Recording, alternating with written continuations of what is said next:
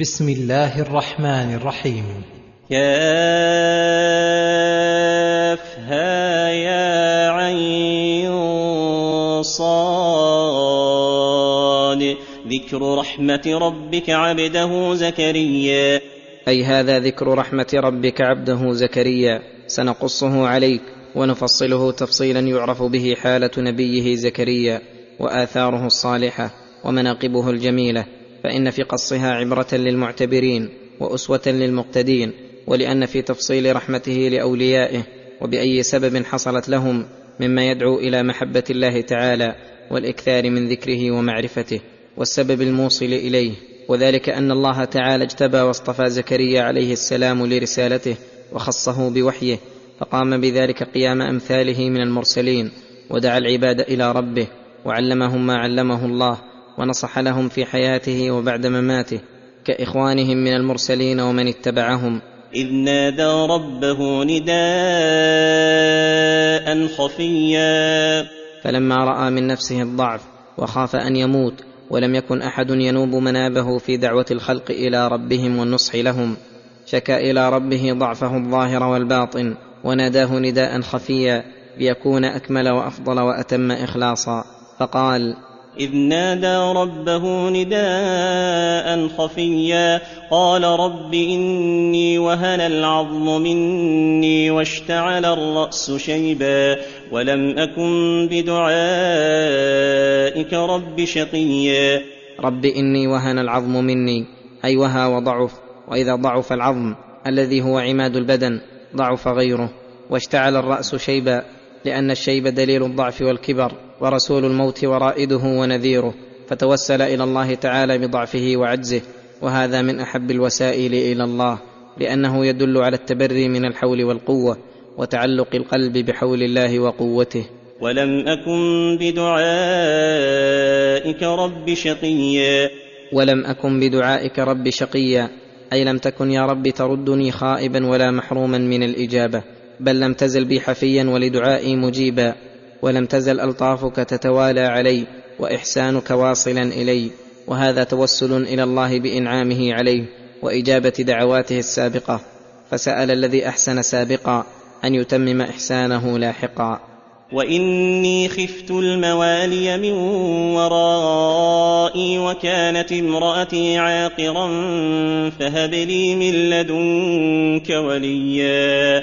وإني خفت الموالي من ورائي وإني خفت من يتولى على بني إسرائيل من بعد موتي ألا يقوموا بدينك حق القيام ولا يدعو عبادك إليك. وظاهر هذا أنه لم ير فيهم أحدا فيه لياقة للإمامة في الدين وهذا فيه شفقة زكريا عليه السلام ونصحه وأن طلبه للولد ليس كطلب غيره قصده مجرد المصلحة الدنيوية وإنما قصده مصلحة الدين والخوف من ضياعه ورأى غيره غير صالح لذلك. وكان بيته من البيوت المشهورة في الدين ومعدن الرسالة ومظنة للخير فدعا الله أن يرزقه ولدا يقوم بالدين من بعده واشتكى أن امرأته عاقر أي ليست تلد أصلا وأنه قد بلغ من الكبر عتيا أي عمرا يندر معه وجود الشهوة والولد. فهب لي من لدنك وليا. وهذه الولاية ولاية الدين وميراث النبوة والعلم والعمل ولهذا قال يرثني ويرث من آل يعقوب واجعله رب رضيا. يرثني ويرث من آل يعقوب واجعله رب رضيا. أي عبدا صالحا ترضاه وتحببه إلى عبادك. والحاصل أنه سأل الله ولدا ذكرا صالحا يبقى بعد موته ويكون وليا من بعده ويكون نبيا مرضيا عند الله وعند خلقه. وهذا أفضل ما يكون من الأولاد. ومن رحمة الله بعبده أن يرزقه ولدا صالحا جامعا لمكارم الأخلاق ومحامد الشيم. فرحمه ربه واستجاب دعوته فقال يا زكريا إنا نبشرك بغلام اسمه يحيى لم نجعل له من قبل سميا. أي بشره الله تعالى على يد الملائكة بيحيى وسماه الله له يحيى وكان اسما موافقا لمسماه. يحيى حياة حسية فتتم به المنة ويحيى حياة معنوية وهي حياة القلب والروح بالوحي والعلم والدين. لم نجعل له من قبل سميا. أي لم يسم هذا الاسم قبله أحد ويحتمل أن المعنى لم نجعل له من قبل مثيلا ومساميا فيكون ذلك بشارة بكماله واتصافه بالصفات الحميدة وأنه فاق من قبله. ولكن على هذا الاحتمال هذا العموم لا بد أن يكون مخصوصا بإبراهيم وموسى ونوح عليهم السلام ونحوهم ممن هو أفضل من يحيى قطعا. فحينئذ لما جاءته البشارة بهذا المولود الذي طلبه استغرب وتعجب وقال قال رب أنا يكون لي غلام وكانت امرأتي عاقرا وكانت امرأتي عاقرا وقد بلغت من الكبر عتيا. رب أنا يكون لي غلام والحال أن المانع من وجود الولد موجود بي وبزوجتي وكأنه وقت دعائه لم يستحضر هذا المانع لقوة الوارد في قلبه وشدة الحرص العظيم على الولد. وفي هذه الحال حين قبلت دعوته تعجب من ذلك فأجابه الله بقوله قال كذلك قال ربك هو علي هين وقد خلقتك من قبل ولم تك شيئا. هو علي هين أي الأمر مستغرب في العادة وفي سنة الله في الخليقة. ولكن قدرة الله تعالى صالحة لإيجاد الأشياء بدون أسبابها فذلك هين عليه ليس بأصعب من إيجاده قبل ولم يكن شيئا. قال رب اجعل لي آية قال آيتك ألا تكلم الناس ثلاث ليال سويا. قال رب اجعل لي آية أي يطمئن بها قلبي وليس هذا شكا في خبر الله وإنما هو كما قال الخليل عليه السلام. رب أرني كيف تحيي الموتى. قال أولم تؤمن؟ قال بلى ولكن ليطمئن قلبي. فطلب زيادة العلم والوصول إلى عين اليقين بعد علم اليقين. فأجابه الله إلى طلبته رحمة به. فقال قال آيتك ألا تكلم الناس ثلاث ليال سويا. وفي الآية الأخرى ألا تكلم الناس ثلاثة أيام إلا رمزا. والمعنى واحد لأنه تارة يعبر بالليالي وتارة بالأيام ومؤداها واحد وهذا من الآيات العجيبة فإن منعه من الكلام مدة ثلاثة أيام وعجزه عنه من غير خرس ولا آفة بل كان سويا لا نقص فيه من الأدلة على قدرة الله الخارقة للعوائد. ومع هذا ممنوع من الكلام الذي يتعلق بالآدميين وخطابهم. وأما التسبيح والتهليل والذكر ونحوه فغير ممنوع منه. ولهذا قال في الآية الأخرى واذكر ربك كثيرا وسبح بالعشي والإبكار فاطمأن قلبه واستبشر بهذه البشارة العظيمة وامتثل لأمر الله له بالشكر بعبادته وذكره فعكف في محرابه. فخرج على قومه من المحراب فأوحى إليهم أن سبحوا بكرة وعشيا. وخرج على قومه منه فأوحى إليهم أي بالإشارة والرمز. أن سبحوا بكرة وعشيا لأن البشارة بيحيى في حق الجميع مصلحة دينية. يا يحيى خذ الكتاب بقوة وآتيناه الحكم صبيا. دل الكلام السابق على ولادة يحيى وشبابه وتربيته فلما وصل إلى حالة يفهم فيها الخطاب أمره الله أن يأخذ الكتاب بقوة أي بجد واجتهاد وذلك بالاجتهاد في حفظ ألفاظه وفهم معانيه. والعمل بأوامره ونواهيه. هذا تمام أخذ الكتاب بقوة. فامتثل أمر ربه وأقبل على الكتاب فحفظه وفهمه وجعل الله فيه من الذكاء والفطنة ما لا يوجد في غيره. ولهذا قال وآتيناه الحكم صبيا. أي معرفة أحكام الله والحكم بها وهو في حال صغره وصباه. وحنانا من لدنا وزكاة وكان تقيا. وآتيناه أيضا حنانا من لدنا أي رحمة ورأفة تيسرت بها أموره وصلحت بها أحواله واستقامت بها أفعاله. وزكاه أي طهارة من الآفات والذنوب فطهر قلبه وتزكى عقله وذلك يتضمن زوال الأوصاف المذمومة والأخلاق الرديئة وزيادة الأخلاق الحسنة والأوصاف المحمودة. ولهذا قال وكان تقيا. أي فاعلا للمأمور تاركا للمحظور. ومن كان مؤمنا تقيا كان لله وليا وكان من أهل الجنة التي أعدت للمتقين وحصل له من الثواب الدنيوي والأخروي ما رتبه الله على التقوى.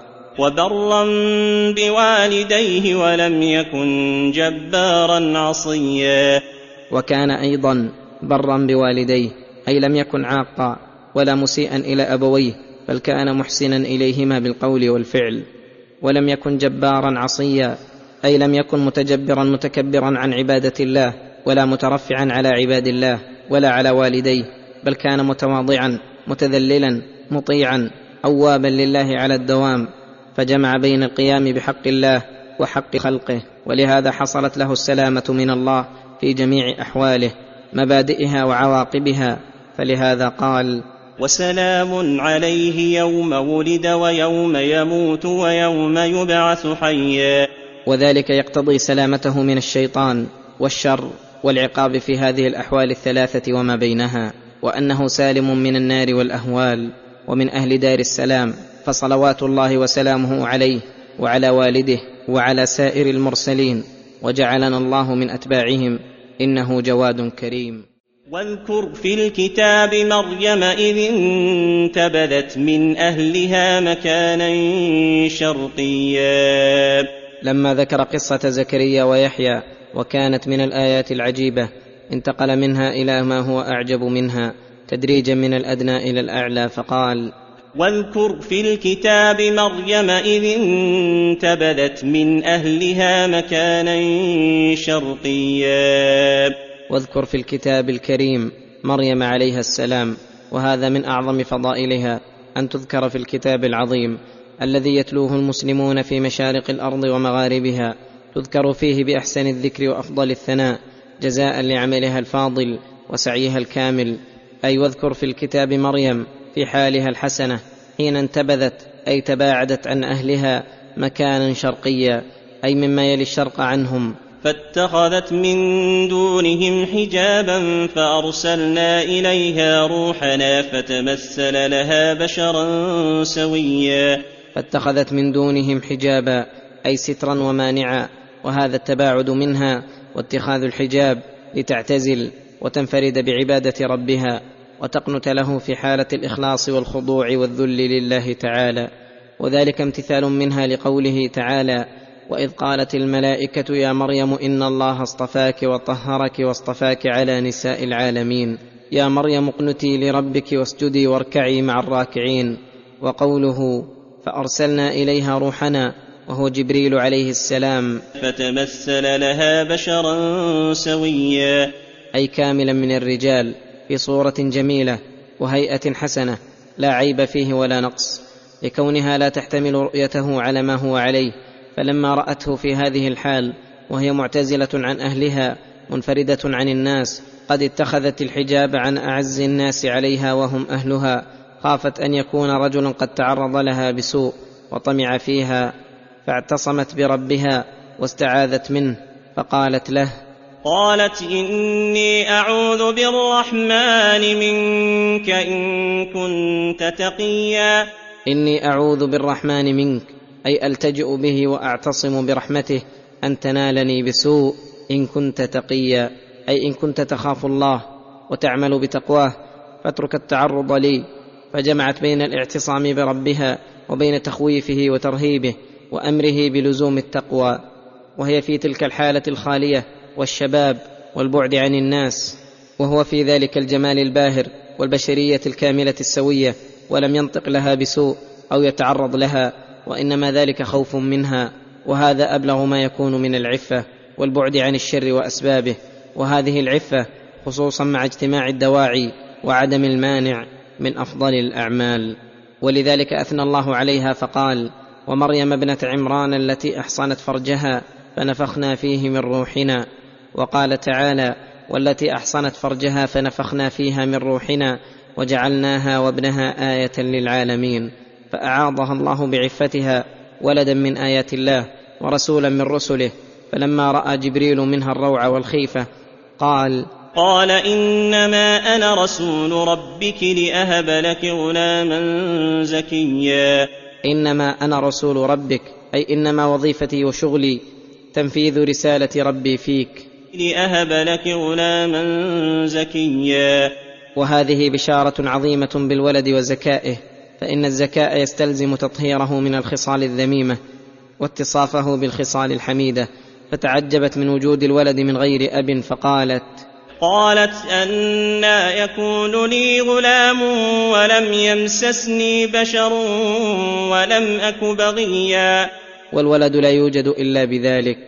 قال كذلك قال ربك هو علي هين ولنجعله آية للناس ورحمة منا وكان أمرا مقضيا. قال كذلك قال ربك هو علي هين ولنجعله آية للناس تدل على كمال قدرة الله تعالى وعلى أن الأسباب جميعها لا تستقل بالتأثير وإنما تأثيرها بتقدير الله فيري عباده خرق العوائد في بعض الأسباب العادية لئلا يقفوا مع الأسباب ويقطعوا النظر عن مقدرها ومسببها. ورحمة منا أي ولنجعله رحمة منا به وبوالدته وبالناس.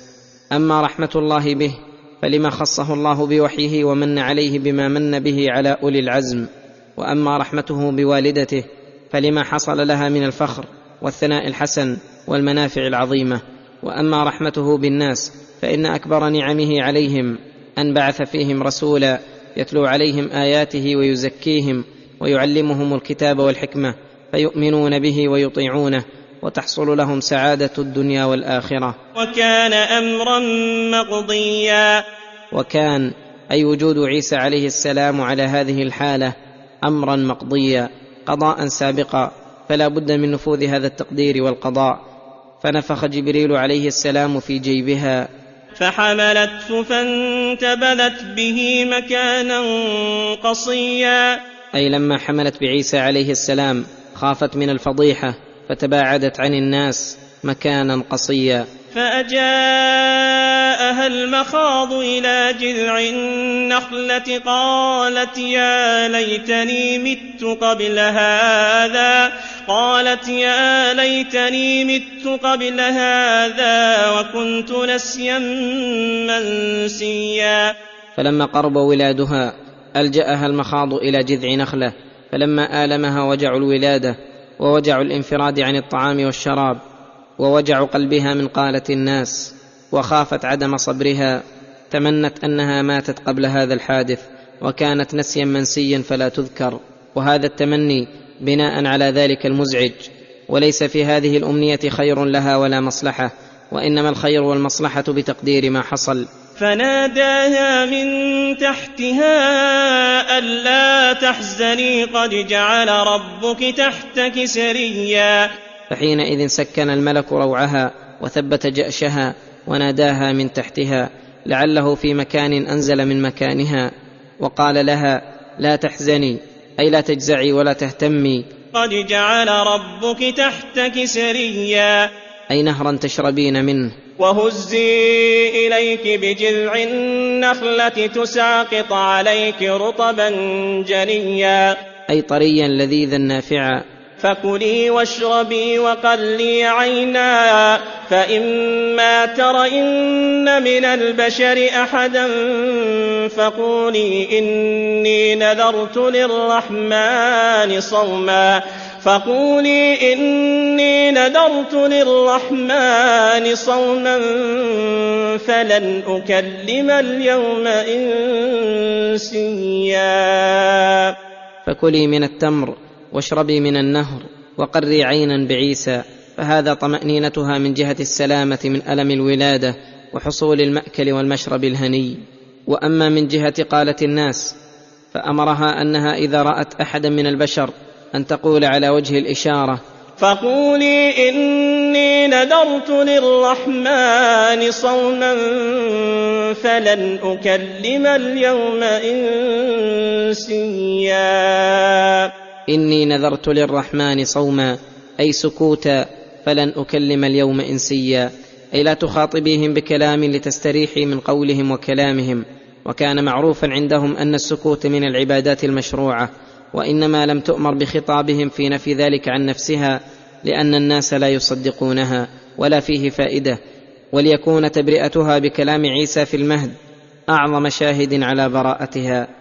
فإن إتيان المرأة بولد من دون زوج ودعواها أنه من غير أحد من أكبر الدعاوى التي لو أقيم عدة من الشهود لم تصدق بذلك.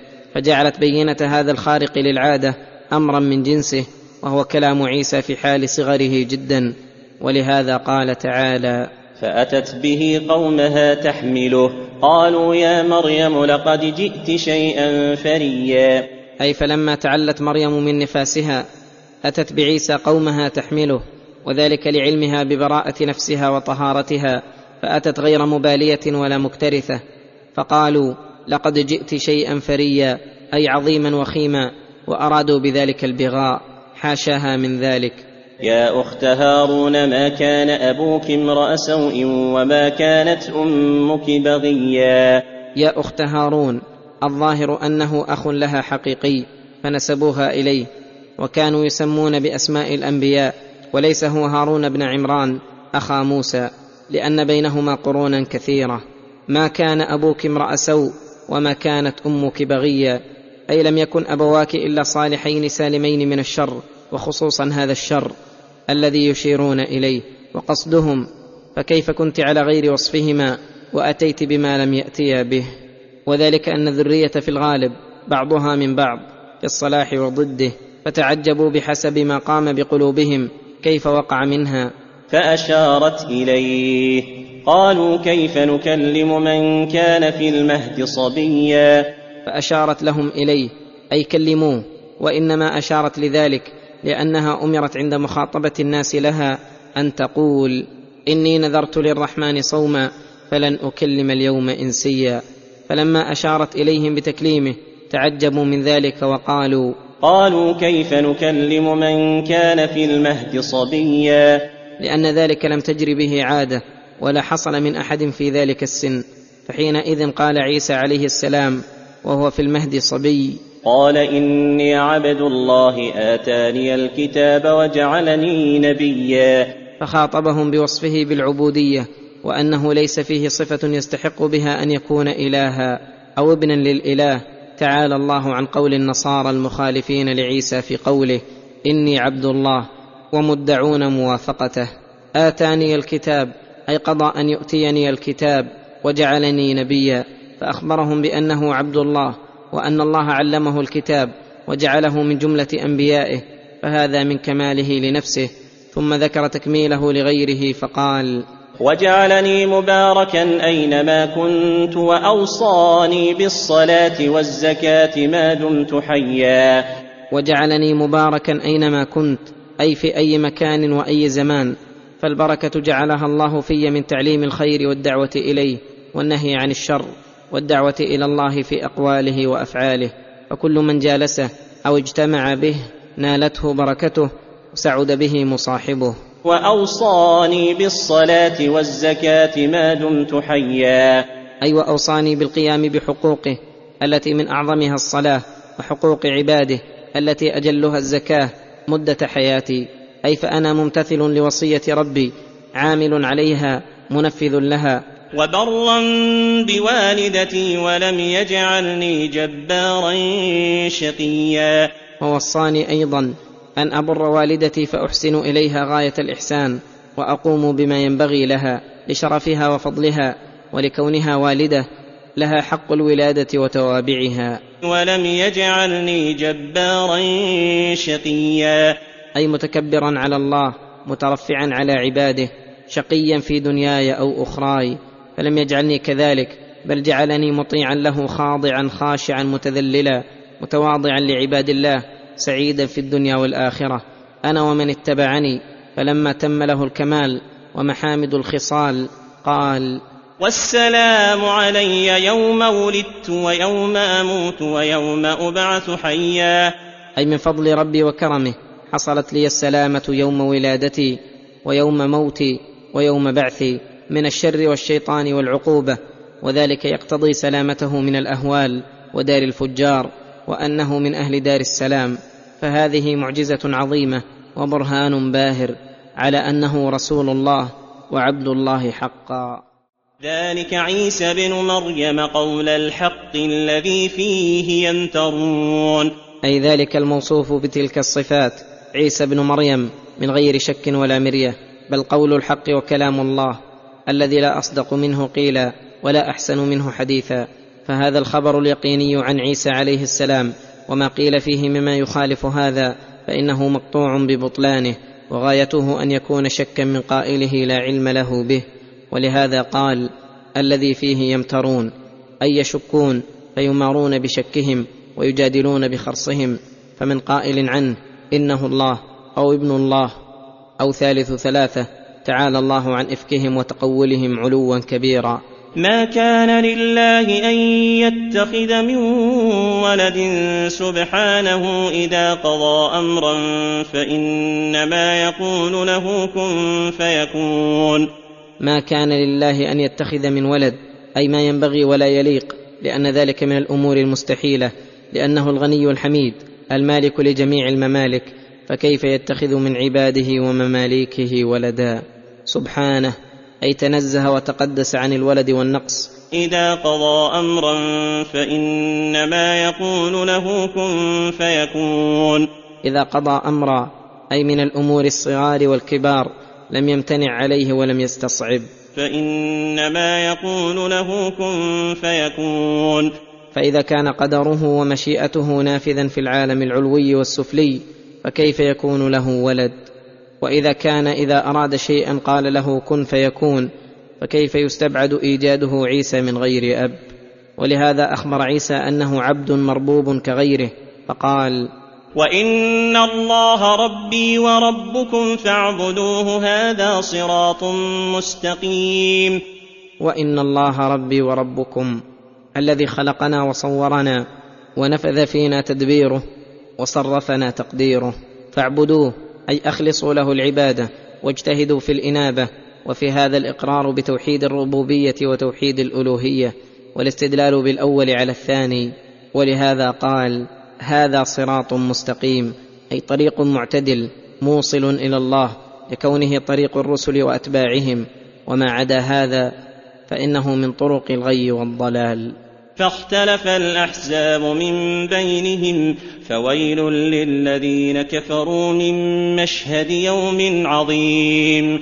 لما بين تعالى حال عيسى بن مريم الذي لا يشك فيه ولا يمترى أخبر أن الأحزاب أي فرق الضلال من اليهود والنصارى وغيرهم على اختلاف طبقاتهم اختلفوا في عيسى عليه السلام فمن غال فيه وجاف فمنهم من قال إنه الله ومنهم من قال إنه ابن الله ومنهم من قال إنه ثالث ثلاثة ومنهم من لم يجعله رسولا بل رماه بأنه ولد بغي كاليهود.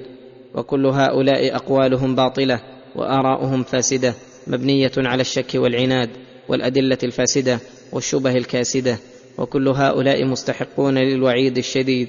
ولهذا قال فويل للذين كفروا من مشهد يوم عظيم.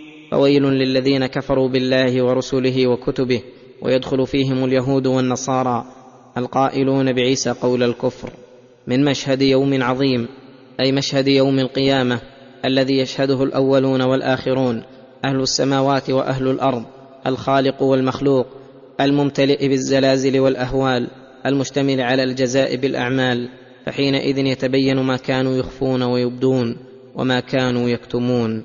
أسمع بهم وأبصر يوم يأتوننا لكن الظالمون اليوم في ضلال مبين. أسمع بهم وأبصر يوم يأتوننا أي ما أسمعهم وما أبصرهم في ذلك اليوم. فيقرون بكفرهم وشركهم وأقوالهم ويقولون ربنا أبصرنا وسمعنا فارجعنا نعمل صالحا إنا موقنون. ففي القيامة يستيقنون حقيقة ما هم عليه.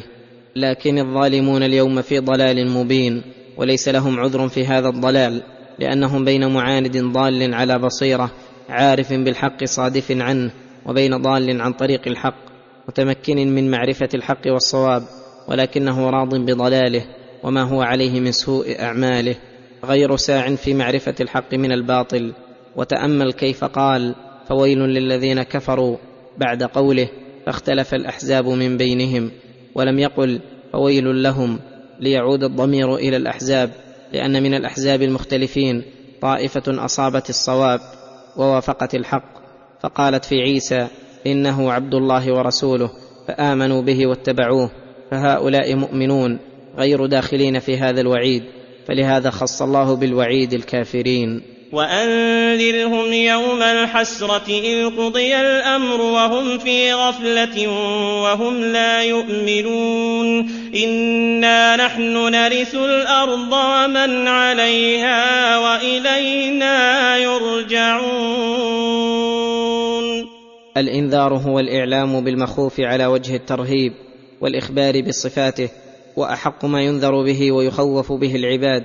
يوم الحسرة حين يقضى الأمر فيجمع الأولون والآخرون في موقف واحد ويسألون عن أعمالهم. فمن آمن بالله واتبع رسله سعد سعادة لا يشقى بعدها.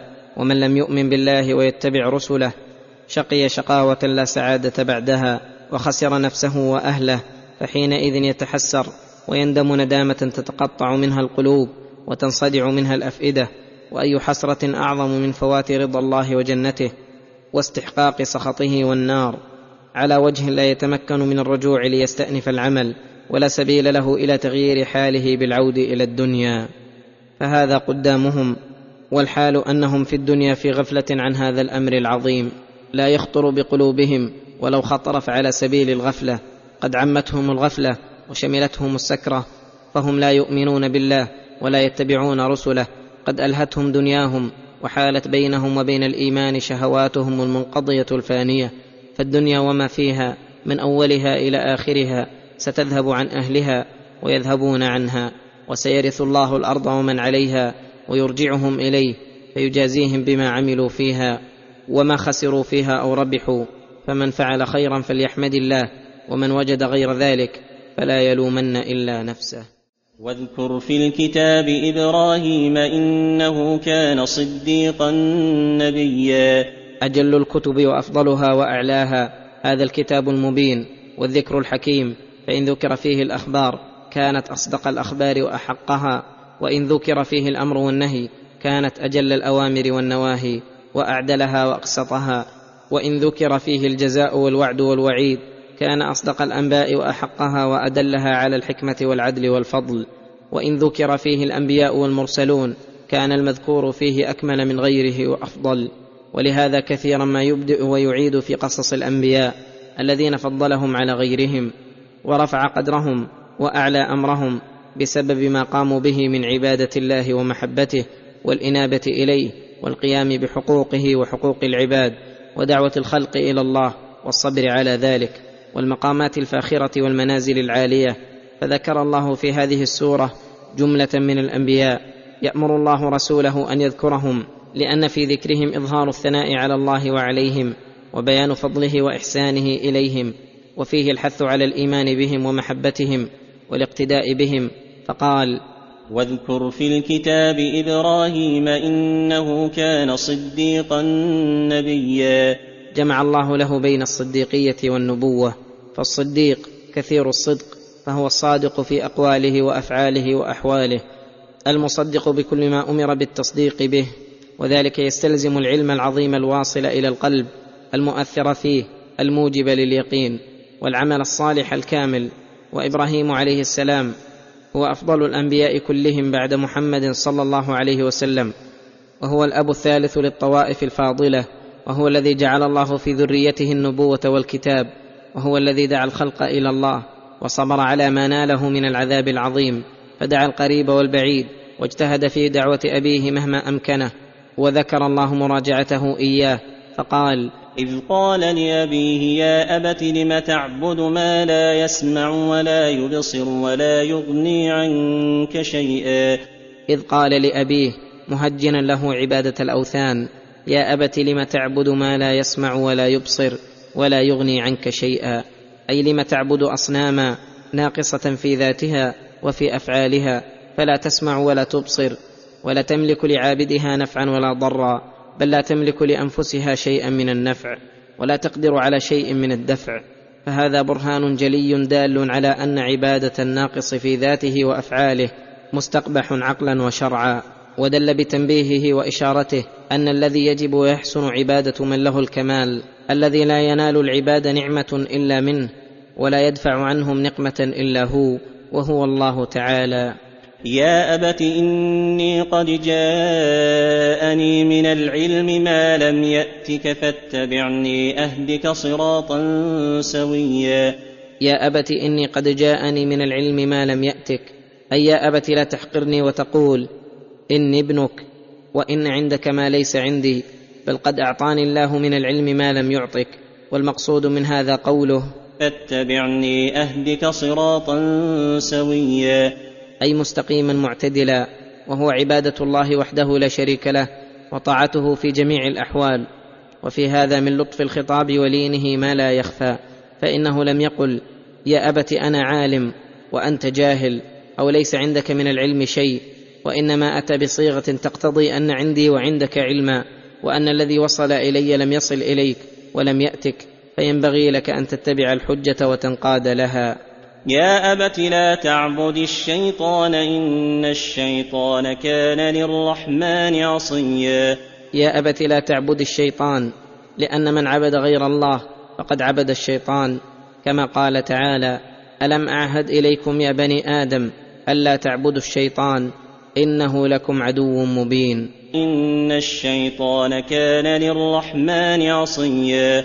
فمن اتبع خطواته فقد اتخذه وليا وكان عاصيا لله بمنزلة الشيطان.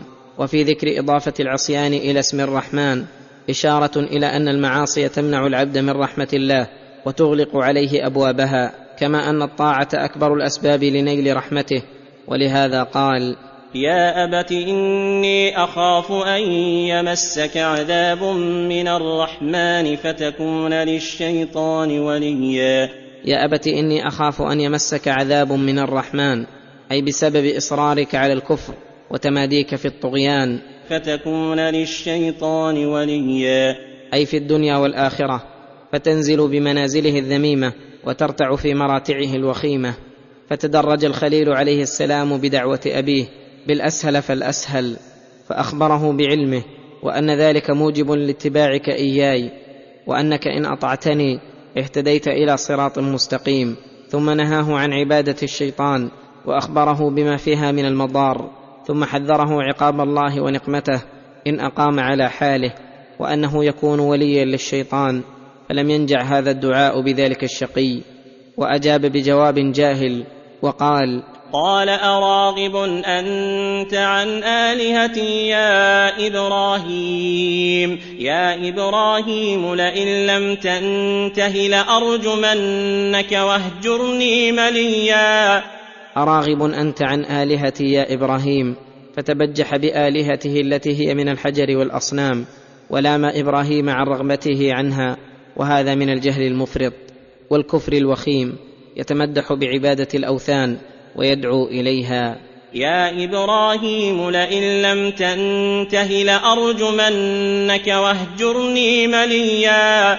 لئن لم تنتهي أي عن شتم آلهتي ودعوتي إلى عبادة الله لأرجمنك أي قتلا بالحجارة واهجرني مليا. أي لا تكلمني زمانا طويلا.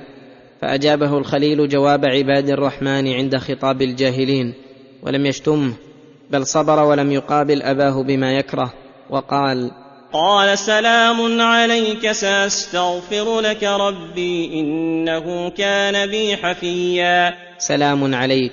أي ستسلم من خطابي إياك بالشتم والسب وبما تكره. سأستغفر لك ربي إنه كان بي حفيا. أي لا أزال أدعو الله لك بالهداية والمغفرة بأن يهديك للإسلام الذي تحصل به المغفرة إنه كان بي حفيا. أي رحيما رؤوفا بحالي معتنيا بي فلم يزل يستغفر الله له رجاء أن يهديه الله فلما تبين له أنه عدو الله وأنه لا يفيد فيه شيئا ترك الاستغفار له وتبرأ منه. وقد أمرنا الله باتباع ملة إبراهيم فمن اتباع ملته سلوك طريقه في الدعوة إلى الله بطريق العلم والحكمة واللين والسهولة والانتقال من مرتبة إلى مرتبة والصبر على ذلك وعدم السآمة منه. والصبر على ما ينال الداعي من أذى الخلق بالقول والفعل ومقابلة ذلك بالصفح والعفو بل بالإحسان القولي والفعلي. فلما أيس من قومه وأبيه قال وأعتزلكم وما تدعون من دون الله وأدعو ربي عسى ألا أكون بدعاء ربي شقيا. وأعتزلكم وما تدعون من دون الله أي أنتم وأصنامكم وأدعو ربي وهذا شامل لدعاء العبادة ودعاء المسألة. عسى ألا أكون بدعاء ربي شقيا. أي عسى الله أن يسعدني بإجابة دعائي وقبول أعمالي.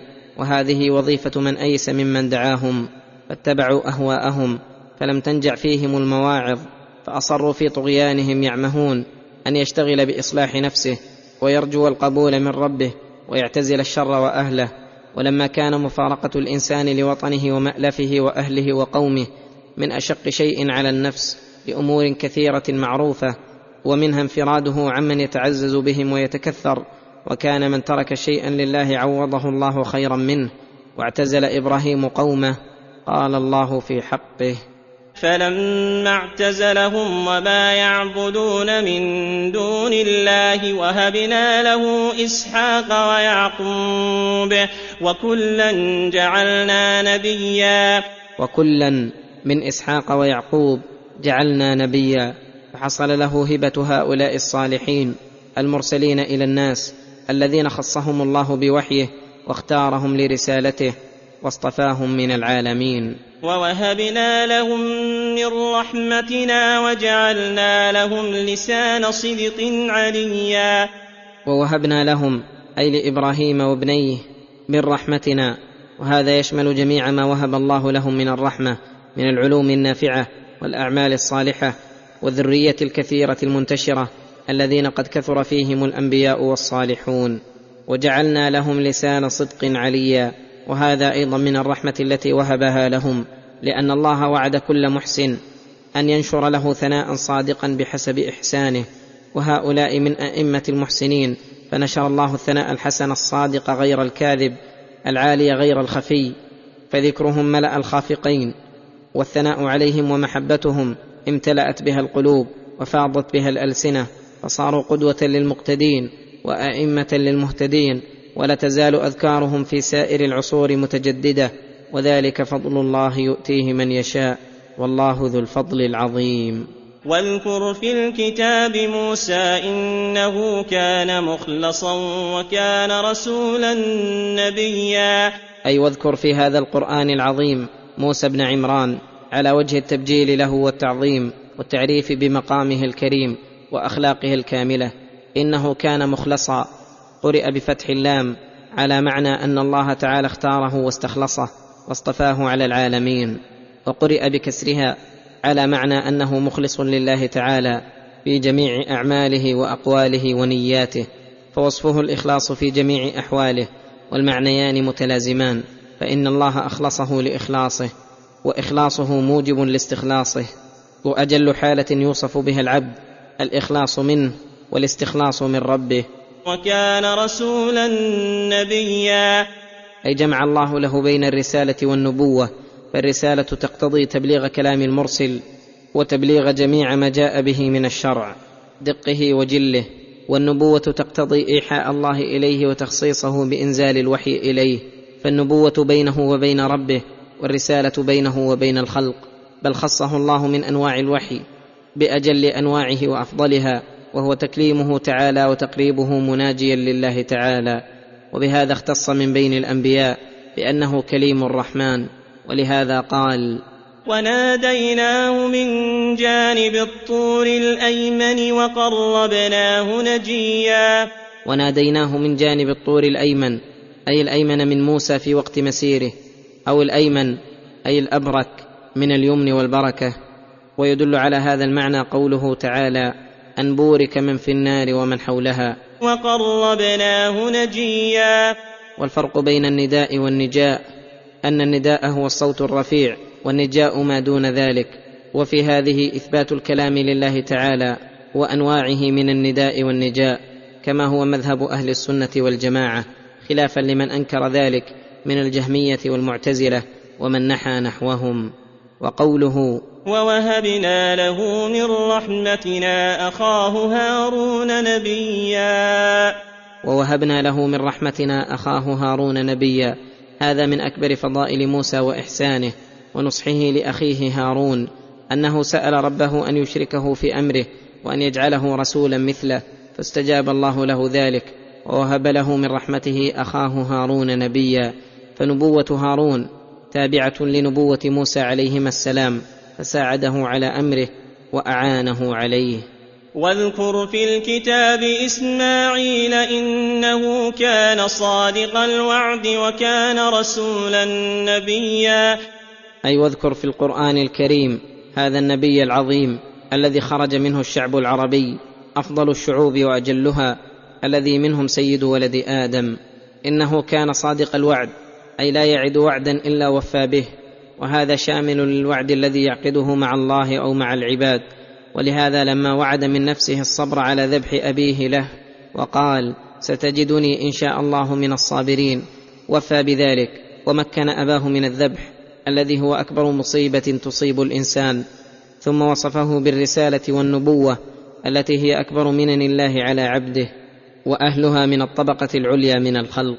وكان يأمر أهله بالصلاة والزكاة وكان عند ربه مرضيا.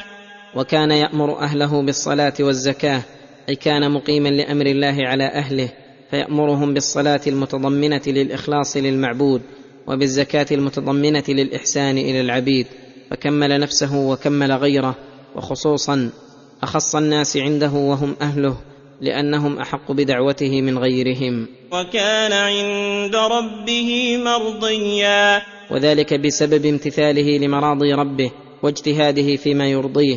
ارتضاه الله وجعله من خواص عباده وأوليائه المقربين. فرضي الله عنه ورضي هو عن ربه. واذكر في الكتاب إدريس إنه كان صديقا نبيا. أي يذكر في الكتب على وجه التعظيم والإجلال والوصف بصفات الكمال إدريس. إنه كان صديقا نبيا. جمع الله له بين الصديقية الجامعة للتصديق التام والعلم الكامل واليقين الثابت والعمل الصالح وبين اصطفائه لوحيه واختياره لرسالته. ورفعناه مكانا عليا. أي رفع الله ذكره في العالمين ومنزلة بين المقربين فكان عالي الذكر عالي المنزلة. أولئك الذين أنعم الله عليهم من النبيين من النبيين من ذرية آدم وممن حملنا مع نوح ومن ذرية إبراهيم وإسرائيل وممن هدينا واجتبينا وممن هدينا واجتبينا إذا تتلى عليهم آيات الرحمن خروا سجدا وبكيا. لما ذكر هؤلاء الأنبياء المكرمين وخواص المرسلين وذكر فضائلهم ومراتبهم قال أولئك الذين أنعم الله عليهم من النبيين أي أنعم الله عليهم نعمة لا تلحق ومنة لا تسبق من النبوة والرسالة وهم الذين أمرنا أن ندعو الله أن يهدينا صراط الذين أنعمت عليهم وأن من أطاع الله كان مع الذين أنعم الله عليهم من النبيين وأن بعضهم من النبيين من ذرية آدم وممن حملنا مع نوح. من ذرية آدم وممن حملنا مع نوح أي من ذريته. ومن ذرية إبراهيم وإسرائيل وممن هدينا واجتبينا.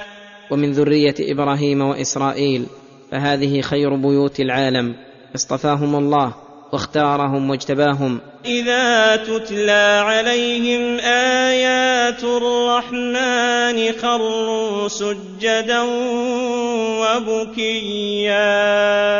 وكان حالهم عند تلاوة آيات الرحمن عليهم المتضمنة للإخبار بالغيوب وصفات علام الغيوب والإخبار باليوم الآخر والوعد والوعيد.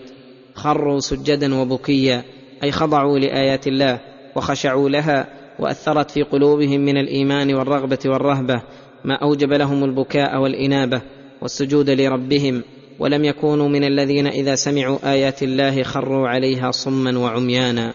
وفي إضافة الآيات إلى اسمه الرحمن دلالة على أن آياته من رحمته بعباده وإحسانه إليهم حيث هداهم بها إلى الحق وبصرهم من العمى وأنقذهم من الضلالة وعلمهم من الجهالة.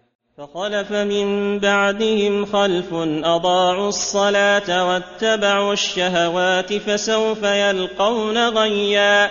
لما ذكر تعالى هؤلاء الأنبياء المخلصون المتبعون لمراضي ربهم المنيبون إليه ذكر من أتى بعدهم وبدلوا ما أمروا به وأنه خلف من بعدهم خلف رجعوا إلى الخلف والوراء فأضاعوا الصلاة التي أمروا بالمحافظة عليها وإقامتها فتهاونوا بها وضيعوها وإذا ضيعوا الصلاة التي هي عماد الدين وميزان الإيمان والإخلاص لرب العالمين التي هي آكد الأعمال وأفضل الخصال كانوا لما سواها من دينهم أضيع وله أرفض والسبب الداعي لذلك أنهم اتبعوا شهوات أنفسهم وإراداتها فصارت هممهم منصرفة إليها مقدمة لها على حقوق الله فنشأ من ذلك التضييع لحقوقه والإقبال على شهوات أنفسهم مهما لاحت لهم حصلوها وعلى أي وجه اتفقت تناولوها. فسوف يلقون غيا. أي عذابا مضاعفا شديدا. ثم استثنى تعالى فقال إلا من تاب وآمن وعمل صالحا فأولئك يدخلون الجنة. فأولئك يدخلون الجنة ولا يظلمون شيئا. إلا من تاب عن الشرك والبدع والمعاصي فأقلع عنها وندم عليها وعزم عزما جازما أن لا يعاودها وآمن بالله وملائكته وكتبه ورسله واليوم الآخر وعمل صالحا وهو العمل الذي شرعه الله على ألسنة رسله إذا قصد به وجهه. فأولئك يدخلون الجنة ولا يظلمون شيئا. فأولئك الذين جمعوا بين التوبة والإيمان والعمل الصالح يدخلون الجنة المشتملة على النعيم المقيم والعيش السليم وجوار الرب الكريم ولا يظلمون شيئا من أعمالهم بل يجدونها كاملة موفرة أجورها مضاعفا عددها. ثم ذكر أن الجنة التي وعدهم بدخولها ليست كسائر الجنات وإنما هي جنات عدن. جنات عدن التي وعد الرحمن عباده بالغيب. جنات عدن التي وعد الرحمن عباده بالغيب. إنه كان وعده مأتيا.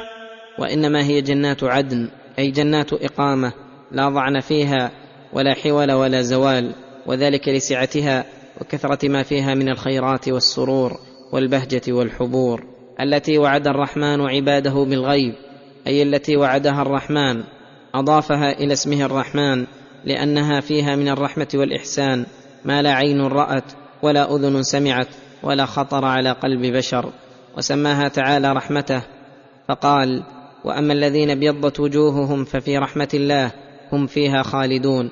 وأيضا ففي إضافتها إلى رحمته ما يدل على استمرار سرورها وأنها باقية ببقاء رحمته التي هي أثرها وموجبها.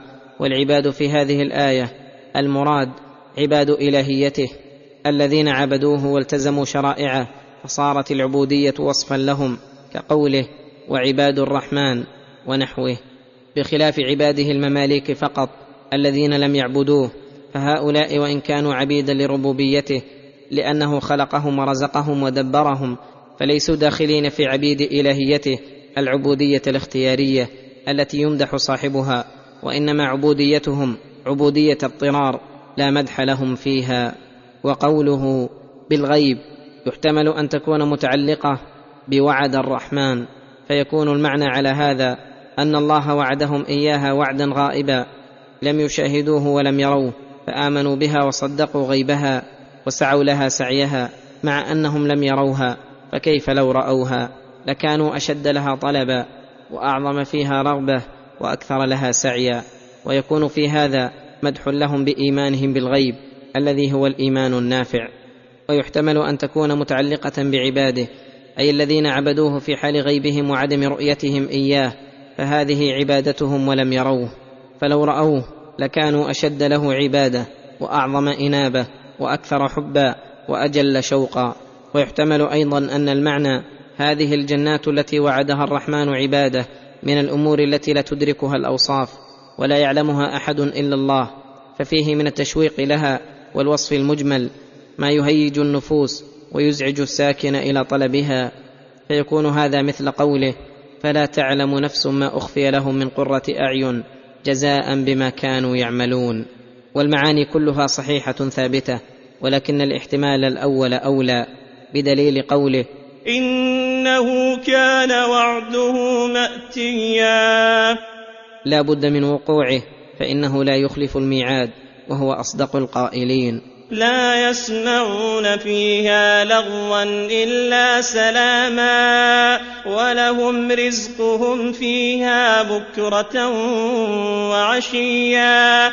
لا يسمعون فيها لغوا أي كلاما لاغيا لا فائدة فيه ولا ما يؤثم فلا يسمعون فيها شتما ولا عيبا ولا قولا فيه معصية لله أو قولا مكدرا إلا سلاما أي إلا الأقوال السالمة من كل عيب من ذكر الله وتحية وكلام سرور وبشارة ومطارحة الأحاديث الحسنة بين الإخوان وسماع خطاب الرحمن والأصوات الشجية من الحور والملائكة والولدان والنغمات المطربة والألفاظ الرخيمة لأن الدار دار السلام فليس فيها إلا السلام التام من جميع الوجوه. ولهم رزقهم فيها بكره وعشيا. أي أرزاقهم من المآكل والمشارب وأنواع اللذات مستمرة حيثما طلبوا وفي أي وقت رغبوا ومن تمامها ولذتها وحسنها أن تكون في أوقات معلومة. بكرة وعشيا ليعظم وقعها ويتم نفعها. تلك الجنة التي نورث من عبادنا من كان تقيا. فتلك الجنة التي وصفناها بما ذكر التي نورث من عبادنا من كان تقيا. أي نورثها المتقين ونجعلها منزلهم الدائم الذي لا يضعنون عنه ولا يبغون عنه حولا. كما قال الله تعالى وسارعوا إلى مغفرة من ربكم وجنة عرضها السماوات والأرض أعدت للمتقين. وما نتنزل إلا بأمر ربك له ما بين أيدينا وما خلفنا وما بين ذلك وما كان ربك نسيا. استبطأ النبي صلى الله عليه وسلم جبريل عليه السلام مرة في نزوله إليه فقال له لو تأتينا أكثر مما تأتينا تشوقا إليه وتوحشا لفراقه وليطمئن قلبه بنزوله فأنزل الله تعالى على لسان جبريل وما نتنزل إلا بأمر ربك أي ليس لنا من الأمر شيء إن أمرنا ابتدرنا أمره ولم نعص له أمرا كما قال عنهم لا يعصون الله ما أمرهم ويفعلون ما يؤمرون. فنحن عبيد مأمورون. له ما بين أيدينا وما خلفنا وما بين ذلك. أي له الأمور الماضية والمستقبلة والحاضرة في الزمان والمكان. فإذا تبين أن الأمر كله لله وأننا عبيد مدبرون فيبقى الأمر دائرا بين هل تقتضيه الحكمة الإلهية فينفذه أم لا تقتضيه فيؤخره؟ ولهذا قال وما كان ربك نسيا. أي لم يكن الله لينساك ويهملك كما قال تعالى ما ودعك ربك وما قلى بل لم يزل معتنيا بأمورك مجريا لك على أحسن عوائده الجميلة وتدابيره الجميلة. أي فإذا تأخر نزولنا عن الوقت المعتاد فلا يحزنك ذلك ولا يهمك واعلم أن الله هو الذي أراد ذلك لما له من الحكمة فيه. ثم علل إحاطة علمه وعدم نسيانه بأنه رب السماوات والأرض. رب السماوات والارض وما بينهما فاعبده واصطبر لعبادته هل تعلم له سميا؟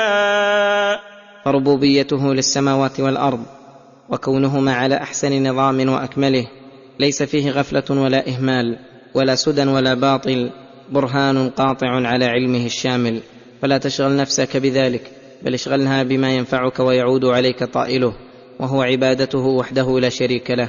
فاعبده واصطبر لعبادته. أي اصبر نفسك عليها وجاهدها وقم عليها أتم القيام وأكملها بحسب قدرتك وفي الاشتغال بعبادة الله تسلية للعابد عن جميع التعلقات والمشتهيات. كما قال تعالى ولا تمدن عينيك إلى ما متعنا به أزواجا منهم زهرة الحياة الدنيا لنفتنهم فيه إلى أن قال وأمر أهلك بالصلاة واصطبر عليها. هل تعلم له سميا؟ أي هل تعلم لله مساميا ومشابها ومماثلا من المخلوقين؟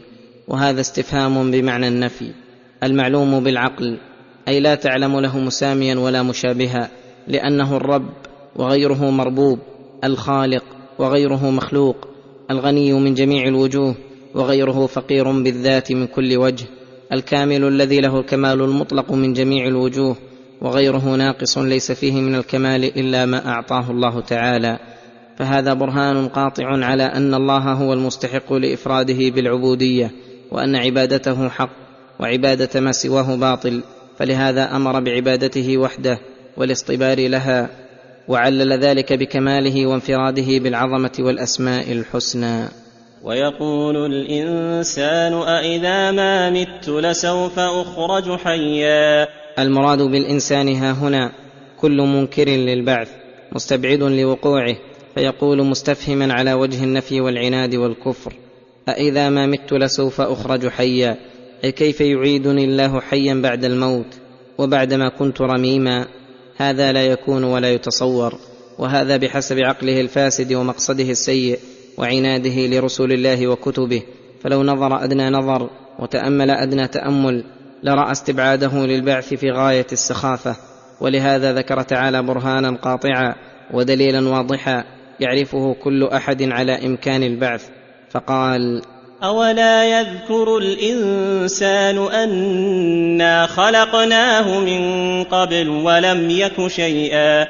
أي أولا يلفت نظره ويستذكر حالته الأولى. وأن الله خلقه أول مرة ولم يك شيئا فمن قدر على خلقه من العدم ولم يكن شيئا مذكورا أليس بقادر على إنشائه بعدما تمزق وجمعه بعدما تفرق؟ وهذا كقوله وهو الذي يبدأ الخلق ثم يعيده وهو أهون عليه. وفي قوله أولا يذكر الإنسان دعوة للنظر بالدليل العقلي بألطف خطاب وأن إنكار من أنكر ذلك مبني على غفلة منه عن حاله الأولى وإلا فلو تذكرها وأحضرها في ذهنه لم ينكر ذلك. فوربك لنحشرنهم والشياطين ثم لنحضرنهم حول جهنم جثيا. أقسم الله تعالى وهو أصدق القائلين بربوبيته لا يحشرن هؤلاء المنكرين للبعث هم وشياطينهم. فيجمعهم لميقات يوم معلوم. ثم لنحضرنهم حول جهنم جثيا. أي جاثين على ركبهم من شدة الأهوال وكثرة الزلزال وفظاعة الأحوال منتظرين لحكم الكبير المتعال. ولهذا ذكر حكمه فيهم فقال ثم لننزعن من كل شيعة أيهم أشد على الرحمن عتيا. أي ثم لننزعن من كل طائفة وفرقة من الظالمين المشتركين في الظلم والكفر والعتو. أشدهم عتوا وأعظمهم ظلما وأكبرهم كفرا. فيقدمهم إلى العذاب. ثم هكذا يقدم إلى العذاب. الأغلظ إثما فالأغلظ.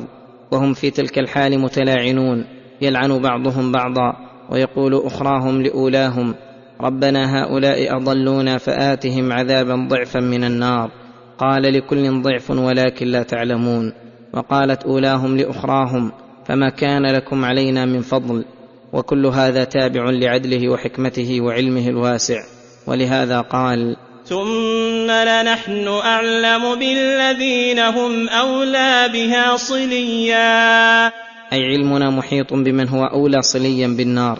قد علمناهم وعلمنا أعمالهم واستحقاقها وقسطها من العذاب. وإن منكم إلا واردها كان على ربك حتما مقضيا. وهذا خطاب لسائر الخلائق برهم وفاجرهم مؤمنهم وكافرهم أنه ما منهم من أحد إلا سيرد النار. حكما حتمه الله على نفسه. وأوعد به عباده فلا بد من نفوذه ولا محيد عن وقوعه. واختلف في معنى الورود فقيل ورودها حضورها للخلائق كلهم حتى يحصل الانزعاج من كل أحد. ثم بعد ينجي الله المتقين وقيل ورودها دخولها فتكون على المؤمنين بردا وسلاما. وقيل الورود هو المرور على الصراط الذي هو على متن جهنم فيمر الناس على قدر أعمالهم. فمنهم من يمر كلمح البصر وكالريح وكأجاويد الخيل وكأجاويد الركاب ومنهم من يسعى ومنهم من يمشي مشيا ومنهم من يزحف زحفا ومنهم من يخطف فيلقى في النار كل بحسب تقواه ولهذا قال ثم ننجي الذين اتقوا ونذر الظالمين فيها جثيا ثم ننجي الذين اتقوا الله تعالى بفعل المأمور واجتناب المحظور ونذر الظالمين أنفسهم بالكفر والمعاصي فيها جثيا وهذا بسبب ظلمهم وكفرهم وجب لهم الخلود وحق عليهم العذاب وتقطعت بهم الأسباب. واذا تتلى عليهم اياتنا بينات قال الذين كفروا للذين امنوا اي الفريقين خير مقاما واحسن نديا أي واذا تتلى على هؤلاء الكفار اياتنا بينات أي واضحات الدلالة على وحدانية الله وصدق رسله توجب لمن سمعها صدق الإيمان وشدة الإيقان قابلوها بضد ما يجب لها واستهزأوا بها وبمن آمن بها. واستبدلوا بحسن حالهم في الدنيا على أنهم خير من المؤمنين فقالوا معارضين للحق أي الفريقين؟ أي نحن والمؤمنون؟ خير مقاما. أي في الدنيا من كثرة الأموال والأولاد وتوفر الشهوات وأحسن نديا. أي مجلسا. أي فاستنتجوا من هذه المقدمة الفاسدة أنهم أكثر أموالا وأولادا وقد حصلت لهم أكثر مطالبهم من الدنيا.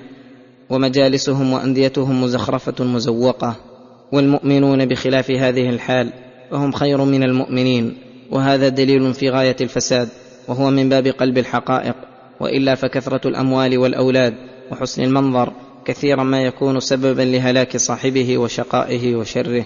ولهذا قال تعالى وكم أهلكنا قبلهم من قرن هم أحسن اثاثا ورئيا. هم أحسن أثاثا أي متاعا من أوان وفرش وبيوت وزخارف وأحسن رئيا أي أحسن مرءا ومنظرا من غضارة العيش وسرور اللذات وحسن الصور. فإذا كان هؤلاء المهلكون أحسن منهم أثاثا ورئيا ولم يمنعهم ذلك من حلول العقاب بهم فكيف يكون هؤلاء؟ وهم أقل منهم وأذل معتصمين من العذاب. أكفاركم خير من أولئكم؟ أم لكم براءة في الزبر؟ وعلم من هذا أن الاستدلال على خير الآخرة بخير الدنيا من أفسد الأدلة وأنه من طرق الكفار. قل من كان في الضلالة فليمدد له الرحمن مدا.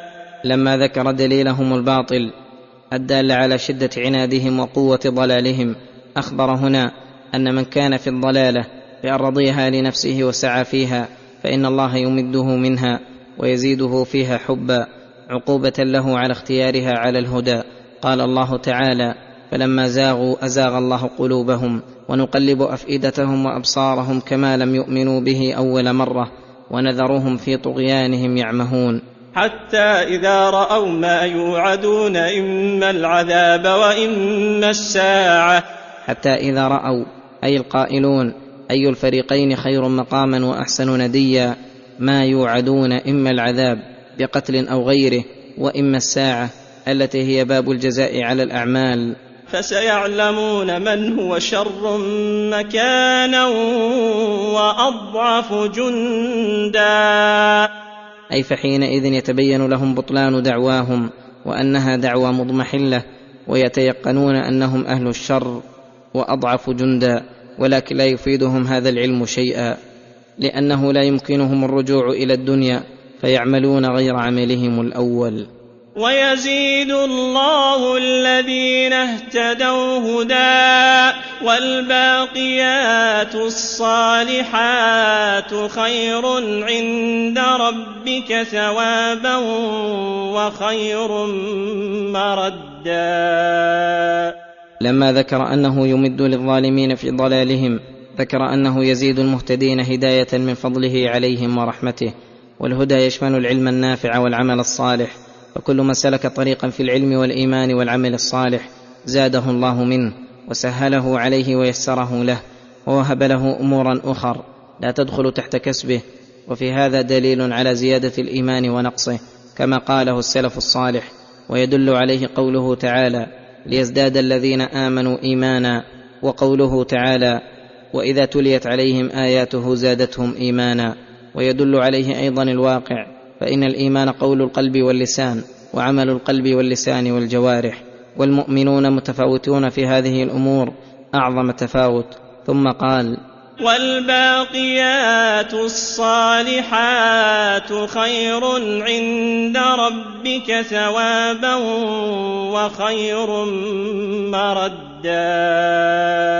والباقيات الصالحات أي الأعمال الباقية التي لا تنقطع إذا انقطع غيرها ولا تضمحل هي الصالحات منها من صلاة وزكاة وصوم وحج وعمرة وقراءة وتسبيح وتكبير وتحميد وتهليل وإحسان إلى المخلوقين وأعمال قلبية وبدنية فهذه الأعمال خير عند ربك ثوابا وخير مردا. أي خير عند الله ثوابها وأجرها وكثير للعاملين نفعها وردها. وهذا من باب استعمال أفعال التفضيل في غير بابه. فإنه ما ثم غير الباقيات الصالحات عمل ينفع ولا يبقى لصاحبه ثوابه ولا ينجع. ومناسبة ذكر الباقيات الصالحات والله أعلم أنه لما ذكر أن الظالمين جعلوا أحوال الدنيا من المال والولد وحسن المقام ونحو ذلك علامة لحسن حال صاحبها أخبر هنا أن الأمر ليس كما زعموا بل العمل الذي هو عنوان السعادة ومنشور الفلاح هو العمل بما يحبه الله ويرضاه.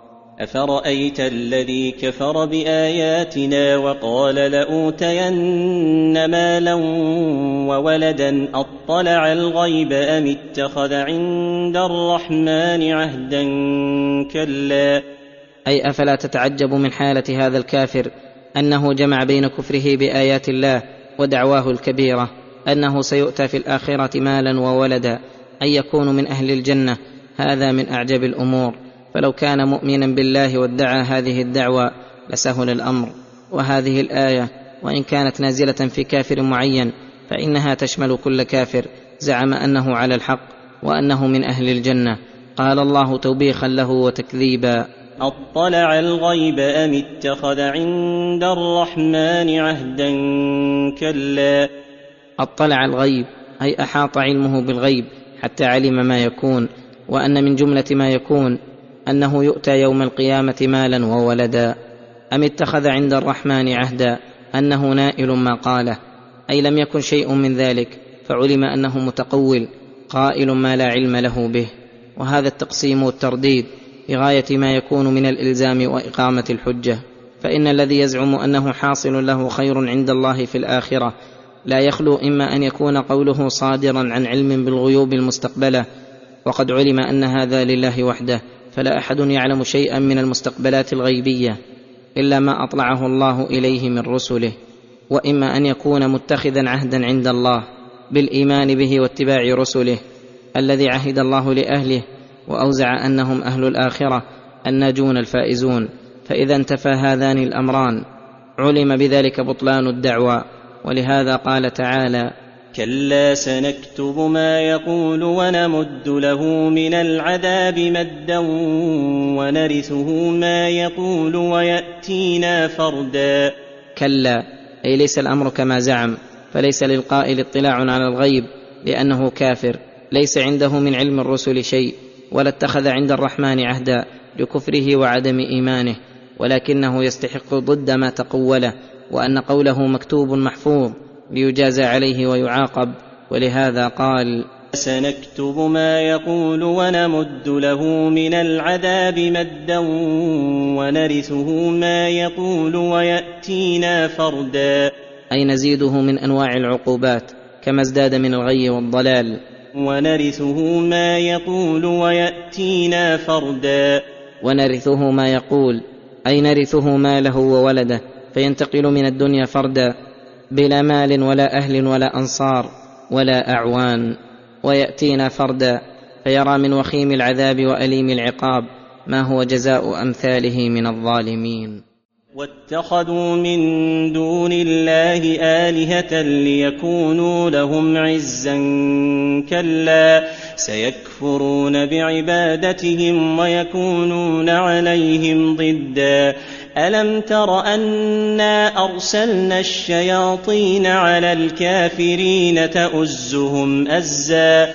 وهذا من عقوبة الكافرين أنهم لما لم يعتصموا بالله ولم يتمسكوا بحبل الله بل أشركوا به ووالوا أعداءه من الشياطين سلطهم عليهم وقيضهم لهم فجعلت الشياطين تؤزهم إلى المعاصي أزا وتزعجهم إلى الكفر إزعاجا فيوسوسون لهم ويوحون إليهم. ويزينون لهم الباطل ويقبحون لهم الحق فيدخل حب الباطل في قلوبهم ويتشربها فيسعى فيه سعي المحق في حقه فينصره بجهده ويحارب عنه ويجاهد أهل الحق في سبيل الباطل. وهذا كله جزاء له على توليه من وليه وتوليه لعدوه جعل له عليه سلطان.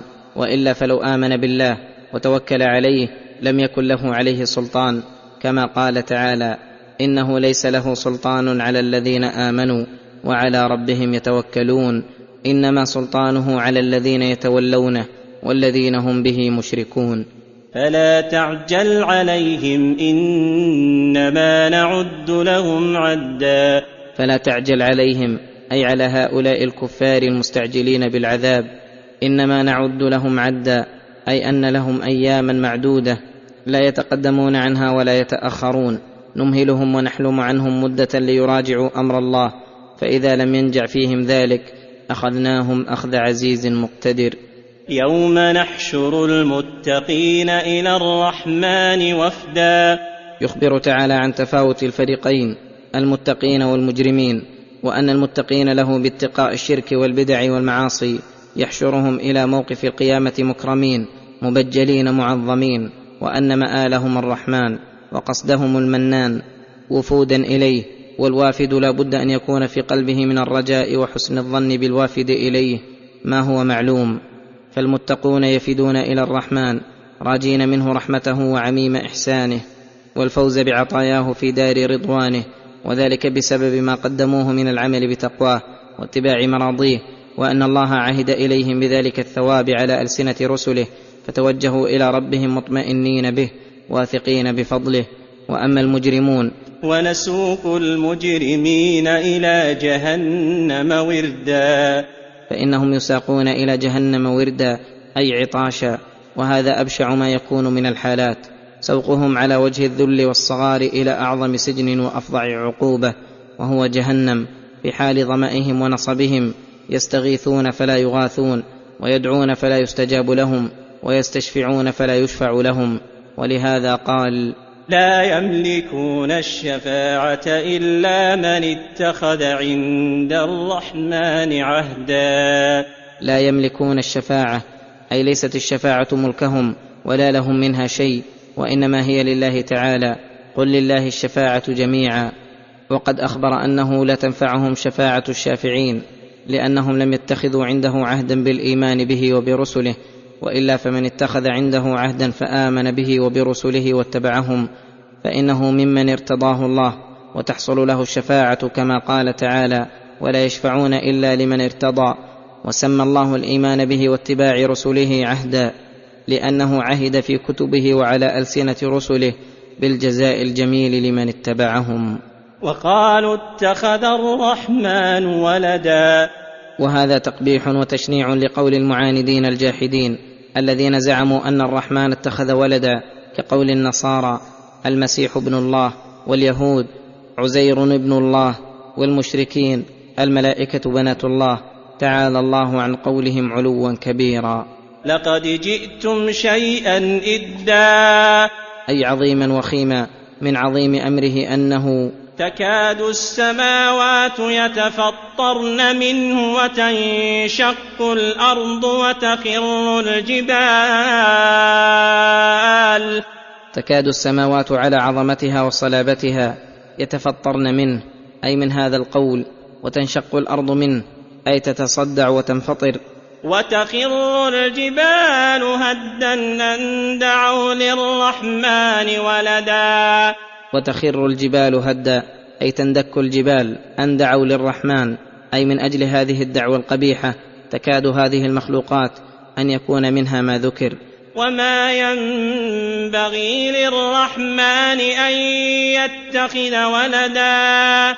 والحال أنه ما ينبغي أي لا يليق ولا يكون للرحمن أن يتخذ ولدا وذلك لأن اتخاذه الولد يدل على نقصه واحتياجه وهو الغني الحميد. والولد أيضا من جنس والده. والله تعالى لا شبيه له ولا مثل ولا سمي. إن كل من في السماوات والأرض إلا آتي الرحمن عبدا. أي ذليلا منقادا غير متعاص ولا ممتنع. الملائكة والإنس والجن وغيرهم الجميع مماليك متصرف فيهم. ليس لهم من الملك شيء ولا من التدبير شيء. فكيف يكون له ولد وهذا شأنه وعظمة ملكه؟ لقد أحصاهم وعدهم عدا. أي لقد أحاط علمه بالخلائق كلهم أهل السماوات والأرض وأحصاهم وأحصى أعمالهم. فلا يضل ولا ينسى ولا تخفى عليه خافية.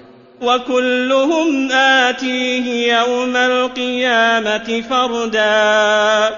أي لا أولاد ولا مال ولا أنصار ليس معه إلا عمله فيجازيه الله ويوفيه حسابه إن خيرا فخير وإن شرا فشر.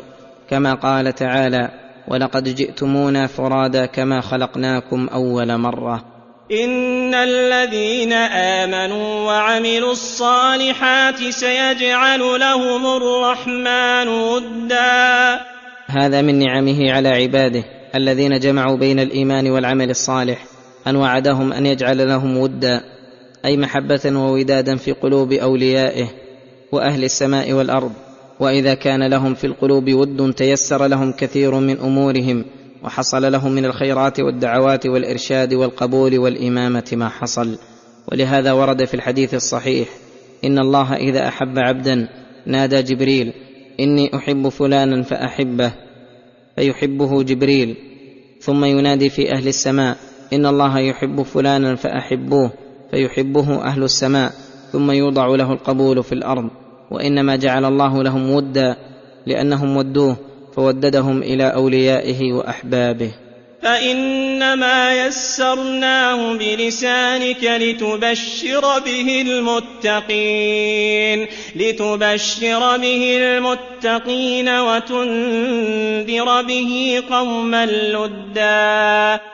يخبر تعالى عن نعمته تعالى وأن الله يسر هذا القرآن الكريم بلسان الرسول محمد صلى الله عليه وسلم يسر ألفاظه ومعانيه ليحصل المقصود منه والانتفاع به لتبشر به المتقين بالترغيب في المبشر به من الثواب العاجل والآجل وذكر الأسباب الموجبة للبشارة وتنذر به قوما لدا أي شديدين في باطلهم أقوياء في كفرهم فتنذرهم فتقوم عليهم الحجة وتتبين لهم المحجة فيهلك من هلك عن بينة ويحيى من حي عن بينة. ثم توعدهم بإهلاك المكذبين قبلهم فقال وكم أهلكنا قبلهم من قرن هل تحس منهم؟ وكم أهلكنا قبلهم من قرن من قوم نوح وعاد وثمود وفرعون وغيرهم من المعاندين المكذبين لما استمروا في طغيانهم. أهلكهم الله فليس لهم من باقية. هل تحس منهم من أحد أو تسمع لهم ركزا؟ والركز الصوت الخفي أي لم يبق منهم عين ولا أثر بل بقيت أخبارهم عبرة للمعتبرين وأسمارهم عظة للمتعظين.